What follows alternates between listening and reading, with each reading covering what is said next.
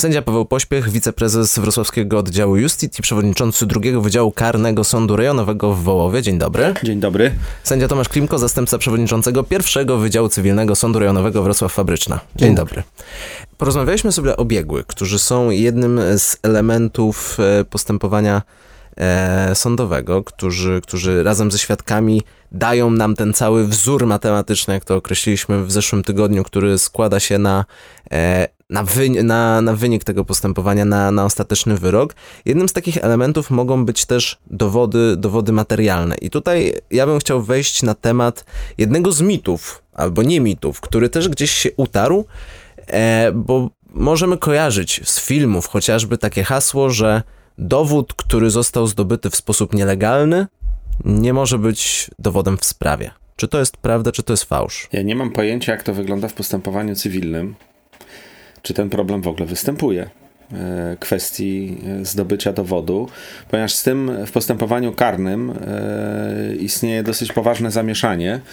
No generalnie rzecz biorąc, generalnie rzecz biorąc nie ma czegoś takiego, tego by należało zacząć, nie ma czegoś takiego w polskim prawie karnym jak tak zwana legalna teoria dowodów, na przykład obowiązująca w, procesie, w, procesach anglo, w, procesie, w krajach anglosaskich. Mhm.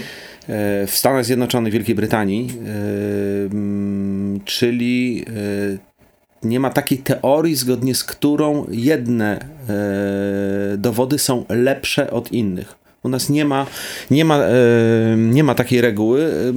Jedyna ocena dowodów to jest ocena, to jest tak zwana swobodna ocena materiału dowodowego i dowody ocenia się w całokształcie to tak jak można powiedzieć z opinią biegłego, wydaje się, że ona e, przez to, że wydaje ją ekspert, znawca e, albo instytut, e, może być nawet bardzo szanowany instytut, jak na przykład Instytut Ekspertyz Sądowych w Krakowie o renomie no, takim zasięgu co najmniej europejskim, mm, wydaje się, że taki dowód będzie lepszy na przykład od zeznań świadka. No, potrafię sobie wyobrazić taką sytuację, że nie zawsze musi tak być. Ale jeśli chodzi o dowody z, z nielegalnego źródła, to generalnie rzecz biorąc y, mm, dotyczy to sytuacji y, moim zdaniem rzadkich, dość skomplikowanych y, i przede wszystkim dowodów, które zdobywają albo powinny zdobywać, gromadzić, zabezpieczać organy postępowania przygotowawczego. Policja, służby specjalne i tutaj może się zakraść sytuacja, w której mm, dojdzie do nieprawidłowości w zakresie zdobycia, zabezpieczenia e, dowodu. No możemy sobie natomiast, wyobrazić taką Natomiast sytuację jeśli chodzi, o, jeśli chodzi, od razu to powiem, jeśli chodzi o taką sytuację, bo e, kilka razy mnie w życiu o to pytano, co jeżeli na przykład ktoś kogoś nagrał, tak? W tej rozmowie e, ta osoba nie wiedziała, że jest nagrywana i w tej rozmowie przyznał się na przykład do jakiegoś czynu albo przyznał jakieś określone fakty, a przed sądem zeznał inaczej. I czy taki dowód z, z, nagrania może być wykorzystany, czy a priori zostaje odrzucony przez sąd? Na pewno nie zostaje a priori odrzucony przez sąd. Sąd dokonuje oceny takiego dowodu. Jaką on ma wartość, w jakich okolicznościach został zdobyty, jaką ma treść, jaką ma korelację do pozostałych dowodów. Przez sam fakt takiego zdobycia dowodu nie dochodzi do apriorycznego odrzucenia go, wyeliminowania z procesu. No i tutaj słowem dygresji też możemy wspomnieć, że nagrywanie rozmów, w których bierzemy udział, nie jest nielegalne, natomiast nagrywanie, podsłuchiwanie cudzych rozmów A to już jest zupełnie, już jest zupełnie inna, sprawa. Mhm. W postępowaniu cywilnym jest tak, że nie ma żadnej gradacji ważności dowodu. Tak, nie ma, jakby sąd w ogóle nie interesuje się tym, skąd wziął się, jak, w, jakim, w jaki sposób strona zdobyła dany dowód, e, w jaki sposób weszła w jego posiadanie. E, to nie ma w ogóle e, znaczenia, jeżeli chodzi o dopuszczenie takiego dowodu. Natomiast no, może mieć znaczenie, jeżeli chodzi o ocenę takiego dowodu. Tak, bo tu jakby musimy rozróżnić dwie rzeczy. E, dopuszczenie dowodu, przeprowadzenie danego dowodu i jego ocenę. Przyjmijmy sobie zupełnie teoretycznie taką sytuację, już taką zupełnie teoretyczną, że jakiegoś zeznania został e, zdobyty drogą wymuszenia. Jest taka sytuacja, że, że, że strona grozi na przykład świadkowi, że jeżeli nie zeznasz tak jak ja chcę, to, no to wtedy mm, coś zrobimy tobie, twojej rodzinie i tak dalej. Tak? Na przykład taka sytuacja. No i przychodzi taki świadek, składa zeznanie. No i potem jakoś się dowiadujemy o tym, że te zeznania były w ten sposób wymuszone. To nie jest tak, że my wtedy ten dowód eliminujemy w ogóle z, postęp, z akt postępowania, znaczy na przykład, nie wiem, wykreślamy te zeznania, niszczymy ten protokół, czy coś takiego. Ten dowód jest w aktach, tak? Jest przeprowadzony, został przeprowadzony. Natomiast ocena takiego dowodu jest już zupełnie, e, zupełnie inna, tak? Wtedy ten fakt wymuszenia musimy wziąć pod uwagę, oceniając taki dowód. Hmm. Y, czy, czy to ten fakt wymuszenia miał wpływ na zeznania świadka, czy nie miał wpływu na zeznania świadka, czy to spowodowało, że świadek zeznał nieprawdę, czy wręcz przeciwnie, zeznał prawdę, której inaczej by nigdy nie zeznał, tak? No to trzeba ocenić. Natomiast, no i, no i oprócz tego oczywiście to nie jest tak, że, że wolność Tomku w swoim domku. Oczywiście też podejmujemy określone inne czynności. Znaczy, co, co ja bym zrobił, gdybym, gdybym się dowiedział o takiej sytuacji, no to to, że normalnie dowód bym przeprowadził, ocenił go w postępowaniu, a oprócz tego zawiadomił prezesa sądu o tym, że miała miejsce taka i taka sytuacja z sugestią, żeby ten rozważył e, zawiadomienie do prokuratury o popełnieniu, o popełnieniu przestępstwa. Natomiast nie jestem, co prawda, na co dzień związany z prawem karnym, ale nie wiem, czy z Pawłem akurat, ale z doktryną prawa karnego w kwestii legalności dowodów ja osobiście nie zgadzam się absolutnie. Doktryna absolutnie. mówi. Doktryna mówi znaczy? tak, jak mówi no, Paweł. No. Tak? Znaczy, że każdy dowód jest taki sam tak samo dobry. W postępowaniu karnym chodzi o rzeczy fundamentalne. Tak? Chodzi o wolność, o życie ludzkie. Bez wątpienia. O, I o taką sytuację, kiedy na tą wolność nastaje państwo. To znaczy, to państwo jest tym w osobie prokuratora, który żąda pozbawienia wolności, żąda kary tak, dla obywatela. I rozumiem, że jest taka sytuacja, że prokurator. I, poczekaj, daj mi dokończyć. Mhm. Teraz to, o czym my mówimy, to jest taka sytuacja, którą znamy y, z filmów amerykańskich. Zdobywa policja dowód, dowód na przykład w toku przeszukania i nie miała zgody na, y, na to przeszukanie ze strony sądu. I nawet jeżeli znajdzie stuprocentowy dowód winy, to taki dowód jest odrzucany, nie oceniany negatywnie, tylko odrzucany. Sąd traktuje, jak gdyby tego dowodu nigdy nie było jak rozumiem, taka sytuacja w polskim prawie karnym nie ma miejsca. Znaczy ten dowód jest składany, jest normalnie przez sąd oceniany i mi się taka to się sytuacja w ostatnich latach troszeczkę nie zmieniło. Znaczy tu jest, tu były z tego to co były wiem bardzo, bardzo, e, po, po, bardzo poważne dyskusje tak, na ten temat i tak, ostatecznie tak. chyba ustawodawca stanął na zasadzie, że nieważne jak jest dowód zdobyty, ważne czy jest e, ustawodawca stanął, czy nieprawdziwy. Ustawodawca, czy w rozkroku, jak to zwykle o, o, ustawodawca. ustawodawca trochę stanął w rozkroku i o tym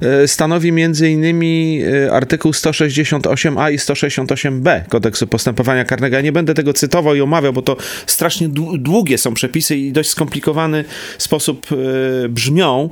Natomiast e, ja się w pełni z tym zgadzam, że to jest duży problem, jeżeli patrzymy z punktu widzenia osoby na przykład oskarżonej o popełnienie poważnego czynu zabronionego. Ale jest też druga strona, tak? Jeżeli tenże dowód, co do którego mamy wątpliwości, wskazuje nam, że on sprawca popełnił ten czyn i możemy go za pomocą logicznego rozumowania i zasad doświadczenia życiowego, czyli reguł z artykułu 7 KPK, ocenić, że jest to wartościowy dowód, to dla mnie jest to rozstrzygające bo e, mamy po drugiej stronie pokrzywdzonego. No i nie wyobrażam sobie na przykład odrzucenia dowodu w sprawie o zabójstwo albo w sprawie o zgwałcenie, o molestowanie seksualne, tylko dlatego, że dowód został z jakimś uchybieniem proceduralnym zdobyty. Mamy pokrzywdzonego, przepraszam za kolokwializm, ciała dał y, organ postępowania przygotowawczego i jakiś błąd gdzieś został popełniony proceduralny. Sąd amerykański mówi do widzenia z takim dowodem, wyrzucamy go z procesu, a pokrzywdzonego puszczamy bez zadośćuczynienia, bez, bez, bez, bez wydania w ogóle sprawiedliwego rozstrzygnięcia. Gdybyś, moje, sumienie, gdybyś, moje sumienie sędziowskie na to mi nie pozwala. Gdybyś był cywilistą, przyznałbym ci 100%, nawet 200% racji. Ja w swoim postępowaniu, w swoim wydziale zrobiłbym dokładnie to samo. No i, W twoim Ale- wydziale ale- zrobiłbym zupełnie inaczej. Dlaczego? dlaczego? Bo ja nie zgadzam się z tym powiedzeniem polityków, że każdy winny musi być zawsze skazany. Nie zgadzam się. Nie zgadzam To się. jest nie, kontrowersyjne. Moim to zdaniem Ja, ja też się z tym Moim nie zgadzam. zdaniem Oczywiście, że to... sytuacja, w której będziemy próbowali stworzyć świat idealny, taki, w którym każda zbrodnia zawsze zostanie ukarana, przyniesie więcej szkody niż pożytku, bo to w sposób oczywisty, moim zdaniem, w sposób oczywisty, będzie powodowało ze strony państwa chęć pójścia na skróty. Nigdy, moim zdaniem, nie można tracić z pola widzenia tego, że w postępowaniu karnym nie mamy do czynienia z równością stron. Tak? Nie mamy do czynienia z równością stron. Mamy z jednej strony państwo z całym swoim aparatem, a z drugiej strony mamy obywatela. Jeżeli to państwo z całym swoim aparatem nie jest w stanie przeprowadzić postępowania karnego, postępowania przygotowawczego w sposób porządny, w sposób respektujący wszystkie prawa i obowiązki obywatela, no to ono nie jest nic warte, tak? To ono już w tym momencie nie jest nic warte. Bez względu na to, czy doprowadzi, poczekaj Paweł, jeszcze do, prawda, do, ja do się- skazania, czy nie doprowadzi do skazania. Pamiętasz, nie wiem czy pamiętasz, mieliśmy takiego e, profesora na Uniwersytecie Wrocławskim, pan profesor Boć. Oczywiście. profesorem e, z prawa administracyjnego. Tak jest. I on Znany taką, profesor. I on taką Świętej paremię pamięci. zawarł e, w, w, w swoim podręczniku z prawa administracyjnego, która mówiła mniej więcej tyle, że jeżeli w prawie administracyjnym nie chodzi o ochronę interesu publicznego, to znaczy, że o nic tak naprawdę istotnego nie chodzi. Ja bym to troszkę przekształcił, nie przypisując sobie autorstwa. Że jeżeli w przepisach postępowania karnego nie chodzi o ochronę praw i wolności obywatela, to znaczy, że o nic tak naprawdę istotnego tam nie chodzi. Tak? Bo po co jest procedura? Procedura jest po to, żeby pro, przeprowadzić uczciwy proces. I ja rozumiem, że proces nie może być sztuką do sztuki, tak? że on musi prowadzić do jakiegoś finału, do jakiegoś efektu sprawiedliwego. Sprawiedliwego, właśnie, sprawiedliwego. Tylko, że nawet jeżeli w efekcie dojdziesz do prawdy, a po drodze złamiesz wszystkie zasady, to to nie ma nic wspólnego ze sprawiedliwością. No, ale Bo nie wtedy mówimy o złamaniu wszystkich zasady. zasad. To nie mówimy w ogóle o sytuacji, bo rzeczywiście, jeżeli w procesie doszłoby do tej sytuacji, że zostały złamane wszystkie zasady albo jakaś ogromna część tych zasad, e, no to jest jasne, że taki proces jest dotknięty tego rodzaju wadliwością, że mm, nie może zakończyć się sprawiedli- sprawiedliwym orzeczeniem. Ja natomiast mówię o sytuacji, w której zdobywamy dowód e, z naruszeniem procedury, ale dowód sam w sobie ma taką treść, że oceniamy go jako wiarygodny. Mamy na przykład film albo nagranie i, i, i to nagranie y, y, zawiera y, taką treść, że wskazuje na sprawcę poważnego czynu zabronionego. No to moim zdaniem można ten dowód tylko wtedy wyeliminować z podstawy ustaleń faktycznych, jeżeli budzi on nasze wątpliwości, jeżeli dochodzimy do wniosku, ja bym tak postąpił i tak staram się postępować, że naprawdę nie wiem, czy ta treść, która jest w tym nagraniu, w tym filmie, w tym dowodzie, jest treścią prawdziwą, no to wtedy stosuję regułę nie dających się usunąć wątpliwości i rozstrzygam to na korzyść oskarżonego, ale tylko z tego powodu, no tak jak przepis mówi. No ja tylko z, z tego zgadzam, powodu, bo w naszej procedurze tak? karnej nie ma takiej sytuacji jak eliminacja dowodu, tylko z tego powodu, że został on zdobyty w sposób nielegalny, tak? Eliminacja zupełna. Bo, e, Bo on wiecie podlega panowie, normalnej to jest, ocenie. To się fajnie mówi, jak się teoretyzuje, ale jak przychodzi do orzekania, to uważam, że e, zmienia się e, perspektywa.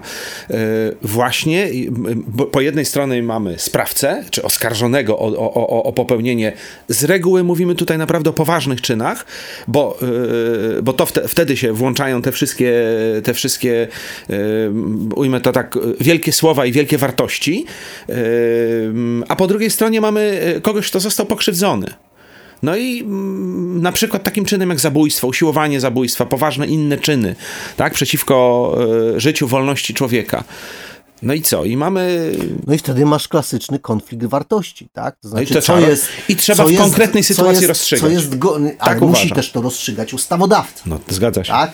Co, co jest ważniejsze dla społeczeństwa? Czy skazanie każdego zabójstwa, czy rezygnacja z pewnej kategorii praw i wolności obywatelskich. Tak? No, co jest istotniejsze? Takich wyborów musi też dokonywać ustawodawca. Bez, to, to bez Takich wątpienia. wyborów musi też dokonywać doktryna, e, e, orzecznictwo. Tak? To, to, to, nie, to nie jest tak, że to nie jest tak, że, że, że te, takich wyborów nie ma. No, zawsze są i one nie są jednoznaczne. Zresztą ale to mówiąc, są dosyć rzadkie sytuacje. Mówiąc, w procesie to się nie zdarza często. To się zdarza. Też, też mówiąc szczerze, no to jest tak, że ja tu przedstawiłem taką dosyć ortodoksyjną z punktu widzenia prawa, praw i wolności obywatelskich punkt widzenia. No, ale też jest tak, że w Stanach Zjednoczonych, skąd to się wszystko wzięło, to też nie jest tak ortodoksyjnie y, brane pod uwagę. Y, jest chyba najsłynniejsze prawo. Bo my mamy w ogóle wyrobione pojęcie jest, o amerykańskim procesie na podstawie amerykańskich filmów. Jest, to duży błąd. Jest chyba takie najsłynniejsze, y, najsłynniejsze prawo w procedurze amerykańskiej, tak zwana reguła Mirandy. Czyli prawa przeczytane przed, przed tak, to znaczy aresztowania. Obowiązek poinformowania osoby, którą się zatrzymuje o jego prawach. No, w ten to, to, to, Słynne to prawo, masz prawo zachować milczenie. Tak, to, to, to, ta reguła została, to jest reguła utworzona na drodze precedensu w procesie mm, pana, który się nazywał Miranda, przeciwko jakim, już nie pamiętam jakiegoś stanowi. Yy, I Mało kto wie o tym, że to orzeczenie zapadło w latach 60. bodajże, a następnie kolejne orzeczenie, i o tym się już nie mówi, kolejne orzeczenia Sądu Najwyższego te prawa zmieniały. Formuła Mirandy była przez lata y, bardzo wielokrotnie zmieniana przez Sąd Najwyższy, więc, więc to nie jest tak, że, że to jest coś bezwzględnego. Zresztą y, Zgadza się. Miranda był rzeczywiście sprawcą. On był winny tego przestępstwa, za które został zatrzymany. To jest właśnie taka, taka typowa sytuacja, jakby klasyczna, tak? od której potem było wiele odstępstw, tak? ale to, to była jakby taka, taka zasadni, taka typowa, taka ta wzorcowa jakby sytuacja, kiedy rzeczywiście jest sprawca i on był rzeczywistym sprawcą przestępstwa, był zatrzymany, nie poinformowano go o jego prawach i w związku z tym zwolniono. Przy czym tam chyba też, y, to też nie jest tak, y, jak się powszechnie uważa, że to dotyczyło każdego. Tam Sąd Najwyższy zastosował, wydał to orzeczenie, bo tam zdaje się dochodziło mm, jakieś lekkie upośledzenie umysłowe też w tej sytuacji. No to są takie kwestie właśnie upośledzenie umysłowe, stan psychiczny y, człowieka, stan emocjonalny człowieka, to są kwestie akurat, które rzeczywiście mogą odgrywać w takich y, momentach, sytuacjach istotną rolę. Ostatnia nasza słynna sprawa pani sędzi, której postawiono zarzuty dyscyplinarne, która zwolniła z aresztu sprawcę, rzeczywiście sprawcę, tak? czynu, najprawdopodobniej sprawcę czynu o charakterze pedofilskim, tak. niepełnosprawnego umysłowo który nie, któremu nie ustanowiono e, obrońcy e, w, w postępowaniu przygotowawczym. Tak? Ja, ja osobiście aresztu. muszę powiedzieć, bym nie postąpił tak jak ona, od razu powiem. Ja bym tak nie postąpił, gdybym był sądem drugiej instancji, natomiast jednocześnie chcę powiedzieć, że nie mam żadnych, najmniejszych wątpliwości, że nigdy w życiu nie powinno się to stać przedmiotem postępowania dyscyplinarnego i zarzutów dyscyplinarnych, bo to po prostu jest zupełnie absurdalne. To jest kwestia, bo w tym momencie stajemy przed sytuacją, no jeden sędzia interpretuje tak, inny sędzia interpretuje inaczej. Na tym to właśnie polega. I w Polsce nie ma tej anglosaskiej zasady jednomyślności sądów, który, gdzie teoretycznie decyzje sądów powinny od się tego, uzupełniać. od jednomyślności to jest Sąd Najwyższy Sąd Najwyższy, który ma ujednolicać w e, prawie anglosaskim wbrew działać... pozorom też tak nie jest. Też tak znaczy, nie jest, prawo, prawo precedensowe nie polega na tym, że jak jeden, że jak Sąd Najwyższy ustanowi precedens, to to jest nie do złamania. Cała sztuka polega na... w prawie amerykańskim i wtedy dopiero zaczyna się prawdziwa praca prawnika. To jest wtedy, kiedy jeden z prawników znajdzie precedens, a drugi włoży pracę w to, żeby go obalić obalane były przed Sądem Najwyższym Stanów Zjednoczonych precedensy. I to jest właśnie klucz systemu anglosaskiego, a nie to, że jak jeden sąd orzeknie, to reszta tak ma już klapy na oczy klapy na i wszyscy i tak samo. Orzekać, tak to, to, tak właśnie nie działa.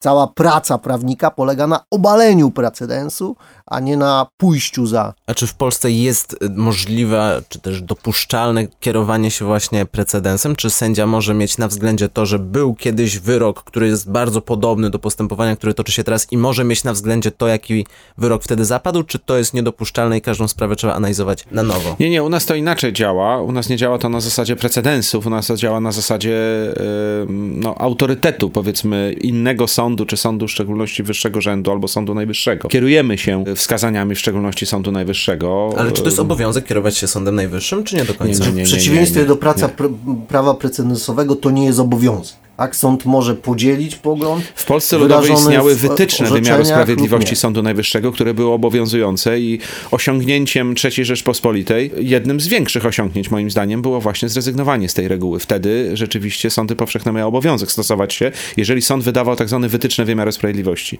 Dzisiaj tego e, nie ma. Czyli jeżeli zapadnie wyrok, który stoi w sprzeczności z wyrokiem Sądu Najwyższego, czy to może, ta sprawa może trafić ponownie do Sądu Najwyższego na drodze jakiejś e, odwołania i apelacji i będzie rozpatrywana ponownie, czy jak to wtedy działa? W postępowaniu cywilnym jest tak, że to jakby każda sprawa jest osobna, tak? To znaczy, jeżeli. Przede wszystkim to musimy zacząć od tego, jeżeli już zeszliśmy na kwestię wyrokowania, że. Nie, niespodziewanie, bo mieliśmy o dowodach mówić, ale to tak właśnie się dzieje z prawnikami. Wyszło. Tak.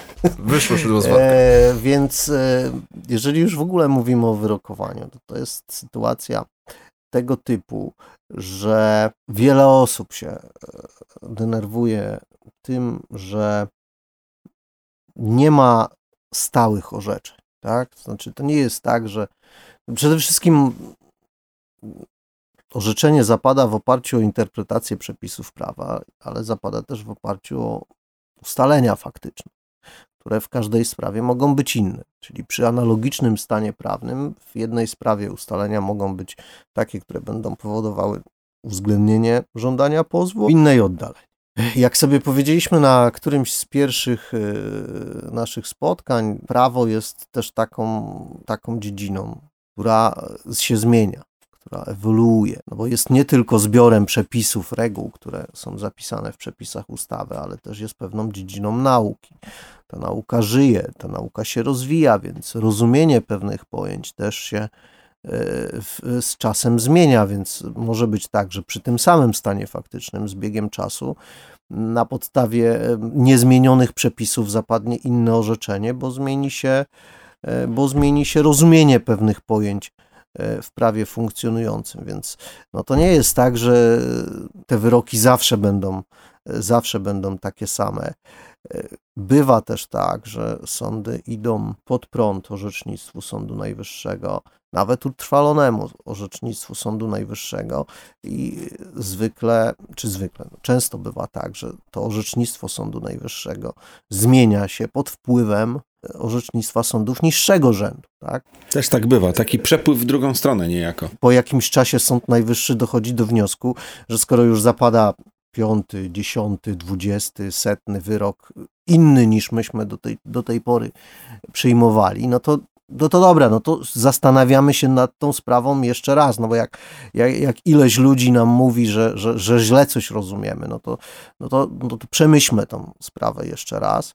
I zdarza się tak, że e, Sąd Najwyższy zmienia swoją linię orzecznictwa pod wpływem, pod wpływem e, tych sądów Niższej Niższej instancji. instancji. Mhm. Czyli nie jest to w żaden sposób ukute w kamieniu, że Sąd Najwyższy podjął jakąś decyzję i ona jest niezmienna, nieodwołalna. To No, tylko jest w zakresie konkretnej sprawy.